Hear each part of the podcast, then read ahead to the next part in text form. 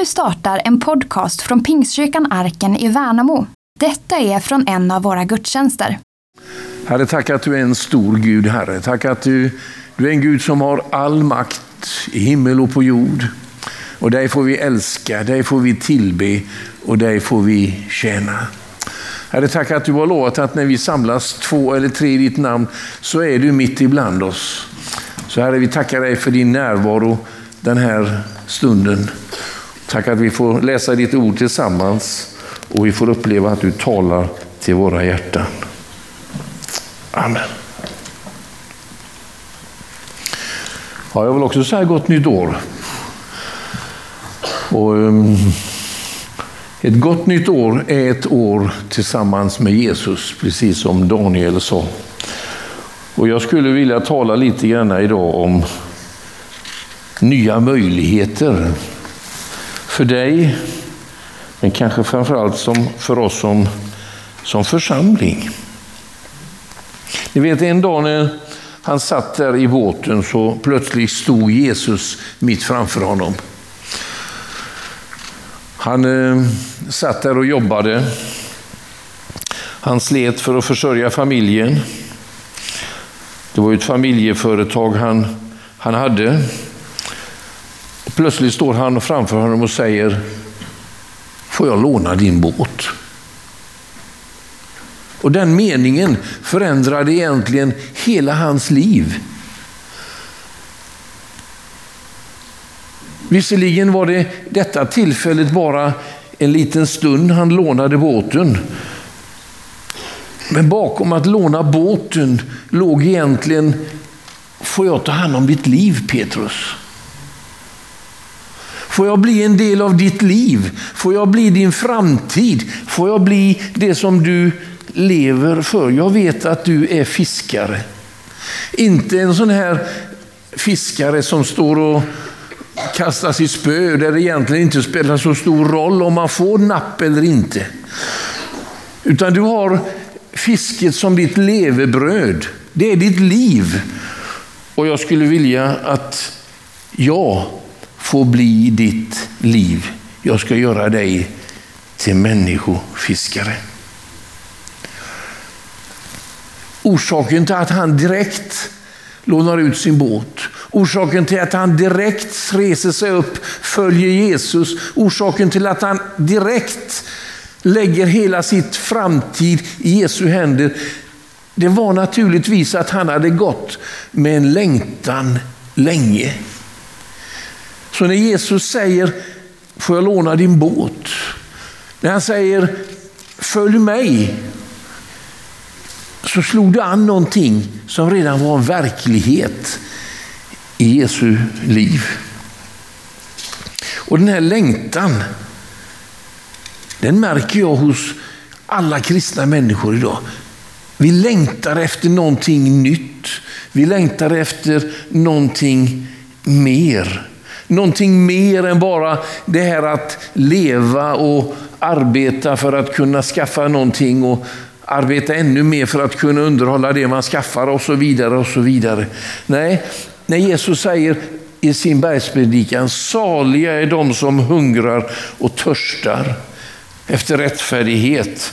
De ska bli mättade. Då är det något som slår an hos oss. För vi lever med den längtan.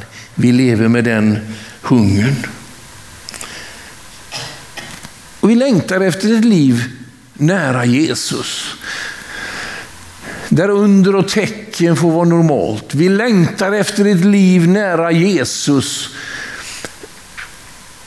Där det här som vi läser om i apostlagärningarna inte blir ett undantag utan en regel. Vi längtar efter mer av den helige Ande.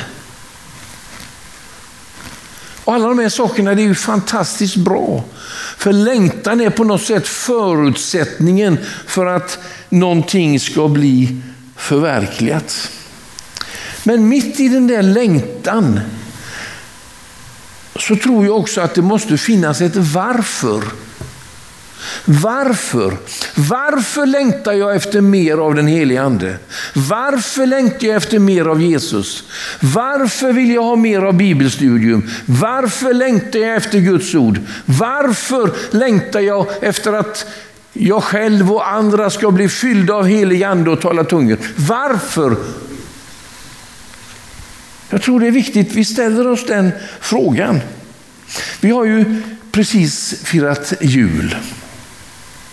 Den stora glädjehögtiden där vi, där vi jublar inför den verklighet att Gud blev människa för att du och jag en dag skulle få möjligheten att knyta gemenskapen med Gud igen. Gud blev alltså människa. Och så levde han här som människa. Och då är det intressant att följa den människan som började i en liten krubba men som blev mannen på korset och som blev den som uppstod för din och min rättfärdighet. Varför föddes han? Varför sökte han och varför upplevde han den helige Ande i sitt liv? Varför studerade han Guds ord? Varför? Bibeln är ju egentligen en enda lång berättelse om att Gud vill ta människan tillbaka till sig. Det är en enda lång berättelse från det att människan i Edens lustgård vände Gud ryggen och där Gud säger att kvinnans säd ska söndertrampa ormens huvud tills dess att det går i uppfyll, upp, upp, eller bli en verklighet med Jesus och en dag Kristus ska komma tillbaka och hans rike ska bli fullt synligt. I den där berättelsen om att vinna världen tillbaka till Gud så kan vi se att det finns egentligen två komponenter. Det ena är Kristus, han som föddes, föddes för att dö, föddes för att köpa dig och mig tillbaka. Och det andra, det är församlingen. Församlingen som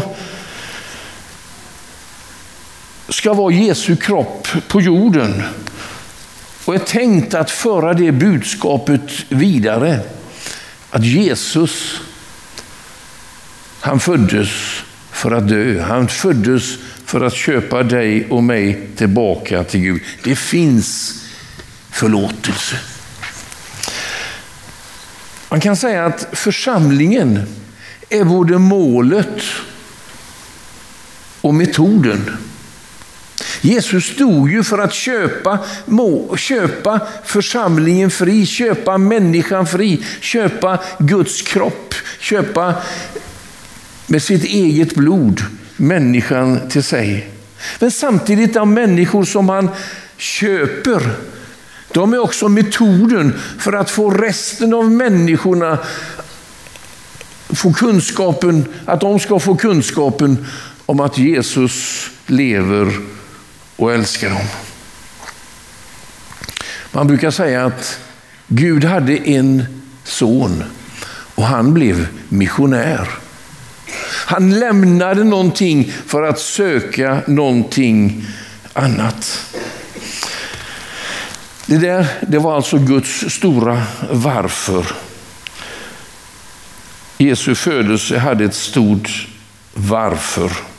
Hans mission, hans uppdrag att ta människan tillbaka till Gud. Då behövde han precis som du och jag, den helige Ande. Du hörde Daniel läsa i början här ifrån Lukas 4. Vi ska läsa det igen och titta vad, vad Jesus sa när han en dag kommer efter att han har frestats av djävulen. och Vunnit seger.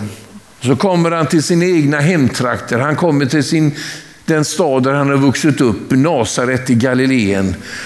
Och så går han till synagogan och man ber honom läsa texten. Och så läser vi, då står det så här.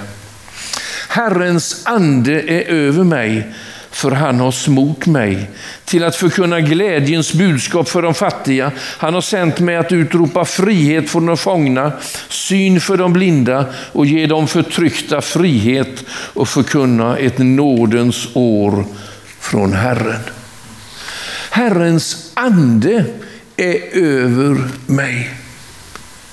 Han hade alltså fått uppleva Guds helige ande och det var förutsättningen. Det var förutsättningen för att han skulle kunna förkunna glädjens budskap för den fattiga. Det var förutsättningen för att han skulle kunna utropa friheten, för att han kunde proklamera ett nådens år från Herren.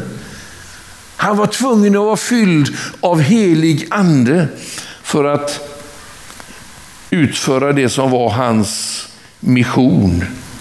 Frihet för de fångna och ett nådens år från Gud. Det där älskar vi Jesus för. Vi sjunger om det. Vi tackar honom.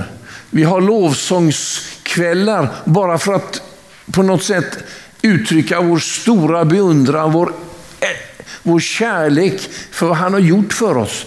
Att han gjorde detta, att han förkunnade glädjens budskap, att han köpte oss fria, att han har förkunnat ett nådens år. Och det ska vi fortsätta med. Vi är, kan aldrig nog tacka Jesus för det. Men jag tror Jesus det mesta. Han älskar när vi, när vi sjunger, han älskar när vi prisar honom. Han älskar en församling som är i lovsång. Men mest av allt älskar han en församling som lever det liv han levde.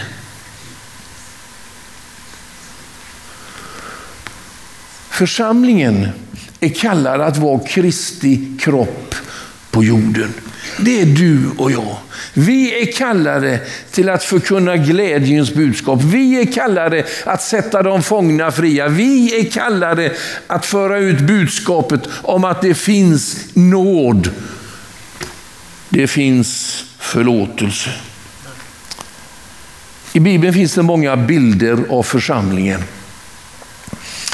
En av dem som man kanske inte så ofta hör om, det är bilden av en lustgård. Och jag skulle vilja hämta några bilder om församlingen för dig den här första söndagen på året ifrån just lustgården. Och då ska vi gå till Höga Visan. En fantastisk bok, kan man säga en slags kärleksdikt mellan kungen, kung Salomo och hans älskning eller älskade kvinna, kvinnan från Sulem. Hon beskrivs som en lustgård. Och så är lustgården bilden på bruden. Och bruden i Bibeln det är också bilden på församlingen. Så lustgården och bruden det är liksom ett och samma språk. Vi ska läsa från Höga Visan, det fjärde kapitlet och den sextonde versen. Där står det så här. Vakna du nordanvind och kom du sundanvind.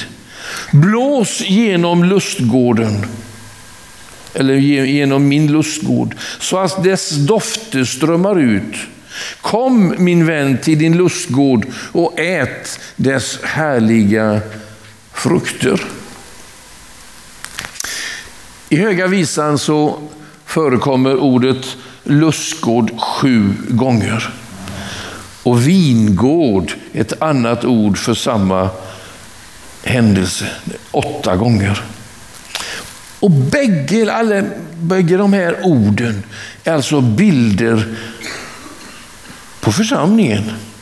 Ni vet i första Mosebok när Gud skapade Adam och Eva så kan vi se hur Gud satte människan i en lustgård. Han satte och planterade människan i Edens lustgård och där fanns allt.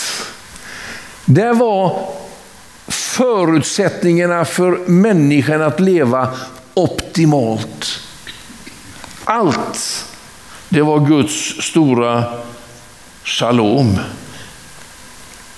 Gemenskapen mellan människor, gemenskapen mellan människor och Gud, gemenskapen mellan människor och naturen. Allt var harmoni, allt var perfekt. Och du vet att det var så Gud hade tänkt att människan skulle leva. När människan lämnade den tanke som Gud hade för människan och vände Gud ryggen för att gå sin egen väg. Var och en av oss valde att gå sin egen väg, säger profeten. Vi gick alla vilse som får. Var och en av oss ville gå sin egen väg och vårt ego tog över. Så sprack på något sätt lustgården. Människan förpassad utifrån lustgården. Men så händer det fantastiska att när Jesus föds så börjar Gud skapa lustgårdar igen. Det är som att när en människa upplever frälsning, upplever befrielse, upplever allt det som Jesus läste om i första i Lukas 4, när han i synagogan i Nasaret tar bokrullen och läser. Guds ande över mig, han har smort mig till att förkunna och så kom allt det här underbara. Allt det där som är tillvaro, som är som en lustgård där allting är harmoni.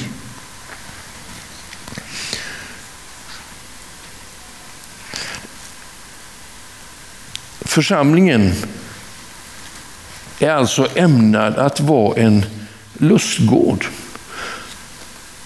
Var la man lustgården någonstans?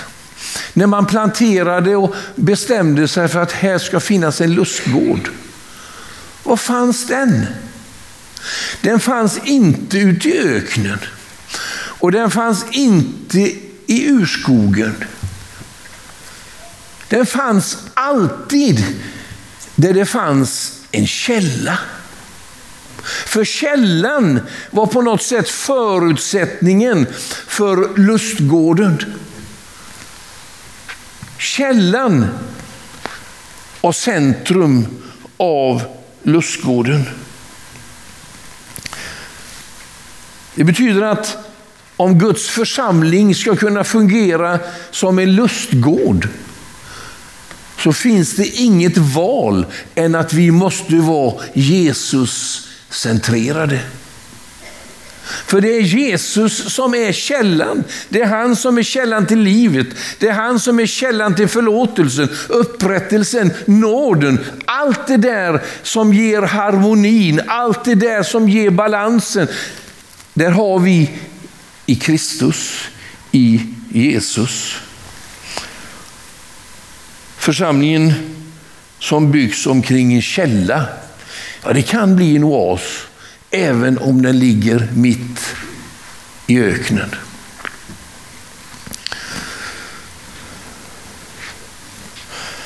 Och så blir den här lustgården en plats det blir en plats dit människor söker sig för att få svalka. Det blir en plats där trötta människor kan vila ut. Det blir en plats där människor som lever under den press som vårt samhälle har skapat kan uppleva att här finns harmoni, här finns balans, här finns frid. Den som går med ett svidande samvete och med en längtan efter frihet kan uppleva att här är platsen. Lustgården fungerar på ett speciellt sätt. I, I det här kapitlet som jag läste här, så i vers 12, så står det att lustgården är en sluten lustgård. Det är liksom inte en plats där vem som helst trampar in och gör vad som helst. Det är inte en slags allemansrätt. Nej, den är sluten. Men säger du, ska vi vara slutna som församling? Ska inte vi vara en öppen gemenskap? Naturligtvis. Gud bevara oss från att bli slutna så att folk utanför församlingen inte hittar vägen in. Nej, det är inte det det handlar om. Utan det handlar om att vara avskild för Gud. Och att säga nej till värderingar som den här världen har för att säga ja till de värderingar som Gud står för. Att säga nej till egoismen och istället säga Herre, jag vill leva för dig. Avskild från världen men öppen för Gud och för människor. Vad var det som skiljer de som är utanför församlingen från de som är i församlingen. Ja, det är inte vår präktighet, det är inte vårt sätt att klä oss och tala eller någonting annat. Utan det finns bara en enda vattendelare och det är Jesu kors. Det är Jesu kors. Det är detta att jag har sagt till Jesus, Herre förlåt mig min synd. Jag är en syndare. Jag måste få uppleva frälsning. Jag måste få uppleva försoning. Och så blir det som är, som Bibeln säger i första Korinthierbrevet 1 och 18. Det som världen ser som en dårskap, det blir för oss en Guds kraft till frälsning. Men så kommer vi, går vi vidare med lustgården. Lustgården skulle vara en doftande lustgård. Det säger det här kapitlet också. En doft. Ni vet, lustgården var ju inte bara en växt, utan det var på något sätt mångfaldens plats. Det var platsen där allt växte, där allt frodades, där all skönhet, alla färger, alla dofter fanns. Det är Guds tanke med församlingen. Paulus han säger så här i Korinthierbrevet, andra Korinthierbrevet. Till Guds ära är jag en Kristusdoft bland dem som räddas. Det betyder alltså att du och jag, Guds församling, har alltså möjlighet att sprida en doft. Inte en odör, en doft. Vad var det Paulus doftade? Ja, det var inte hans egen kunskap, även om den var stor. Det var inte hans position, det var inte hans makt, det var inte hans på något sätt goda karaktär. Nej, det var bara en sak. Kristus. Han var en Kristusdoft. En annan bild av, av församlingen är ju trädet. Det är grenarna då, och där ute på grenarna där bär där finns blommorna, där finns löven. Men allt har ju sin ursprung från att det fanns en stam som går ner med rötter. Där stammen är Kristus och vi är grenarna. Vi kan aldrig vara någonting annat. Doften är totalt beroende av att vi sitter fast i stammen. Doften som vi ska vara, det är beroende av att vi finns i lustgården där källan är så var det lite intressant. Det stod blås du sunnanvind och blås du nordanvind. Så att människor utanför lustgården kan känna doften. Ibland är vi rädda när det blåser. Vi är rädda till och med tycka annorlunda än vad världen gör. Och vi vill vara så anpassade till det här samhället som möjligt. Men Bibeln säger det, det är inte farligt när det blåser. Det är inte farligt varken med sunnanvinden eller nordanvinden. Om vi finns där källan finns och vi har en, all, en mångfald av dofter så kommer bara den doften att spridas. I början när pingströrelsen växte fram så hånade man pingströrelsen i tidningen.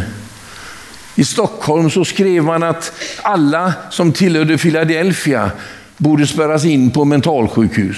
Det stod i de stora tidningarna i Sverige.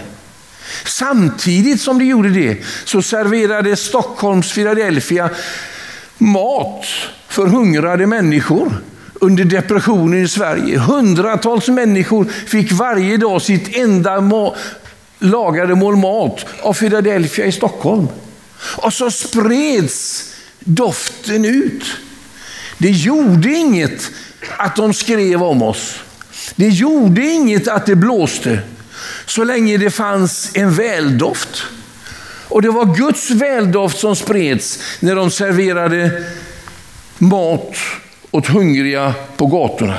Precis som det idag är Guds väldoft som sprids när arken skickar tusentals filtar till krigets offer i Ukraina. Eller där du tar ställning för någon som är mobbad på din arbetsplats eller på din skola. Det är Guds väldoft som sprids när du lönar ont med gott. Vällukten, den kom ifrån att det fanns en mångfald av växt och allt var runt källan. Till slut så fanns ju det en stor mening till med lustgården. Välkommen min vän och ät av lustgårdens ljuvliga frukter. Det var så hon sa. Välkommen och ät av lustgårdens frukter. Det var inte bara dofter. Nej, det var frukt. Lustgården skulle bära frukt. Det var en självklarhet. Precis lika självklart som det i Guds ögon är att Guds församling ska bära frukt. Jag har bestämt om er, säger Gud. Jag har bestämt om er att ni ska gå stad och ni ska bära frukt. Frukt som blir bestående. Varför? Och hur var det möjligt? Förutsättningen var källan. Att vi byggt vår församling, att lustgården var planterad runt omkring källan. Den fanns för att bära frukt. Ska någonting bära frukt så finns det vissa saker som måste till. Det måste finnas vatten. Jag sa det, källan är ju förutsättningen för allt liv. Ljus är också förutsättningen för allt liv. Värme. Ibland finns det frukter som till och med kräver en kall vinter.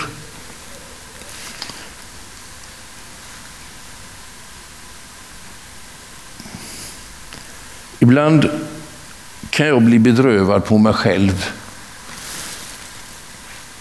när jag ser hur, hur lätt jag försöker ersätta den där källan med annat. Med min egen präktighet, med min egen kunskap, om jag nu har någon sån. Med allt det som jag själv gör och gör och gör. När Jesus står där på sista dagen så säger han, om någon är törstig, kom till mig. Kom till mig och drick. Och jag ska ge honom en källa som från hans inre ska flöda av livgivande vatten. Men det börjar alltså med att vi kommer till Jesus. Jag kommer till han som är källan. Och där i det mötet så får jag en källa inom mig som när jag går ut i världen kan få flöda till andra människor och vara med och sprida den här doften. var med och utöka på något sätt lustgårdens gränser till att bli större och större. Det fanns ett varför. Det fanns ett varför för lustgården. Den skulle bära frukt. Gud hade en tanke med församlingen. Det fanns ett varför. Jag har bestämt om er att ni ska gå stad och ni ska bära frukt. Frukt som blir bestående.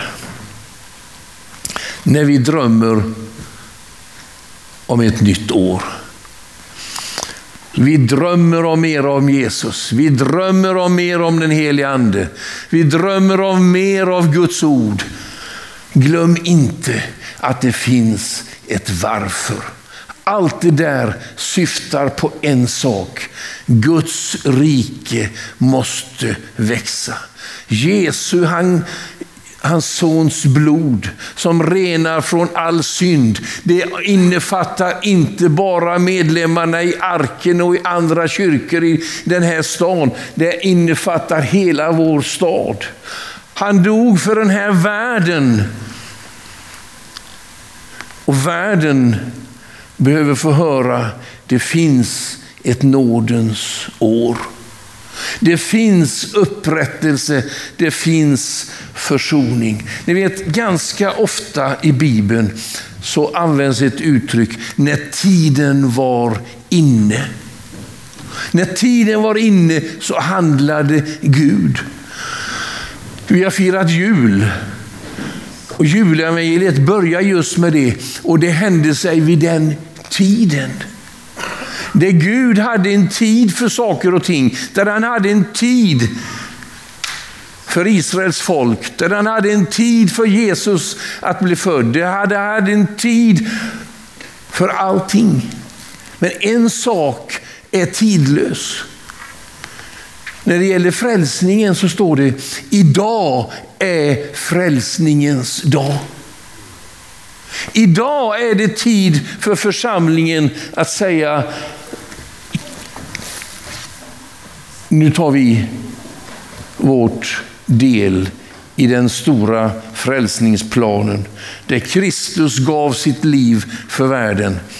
Sände sin heliga ande av en enda stor orsak. Ni ska bli mina vittnen i Jerusalem, i Judeen, i Samarien och till jordens yttersta gräns. Det är församlingens uppdrag 2003 och möjligheterna är enorma.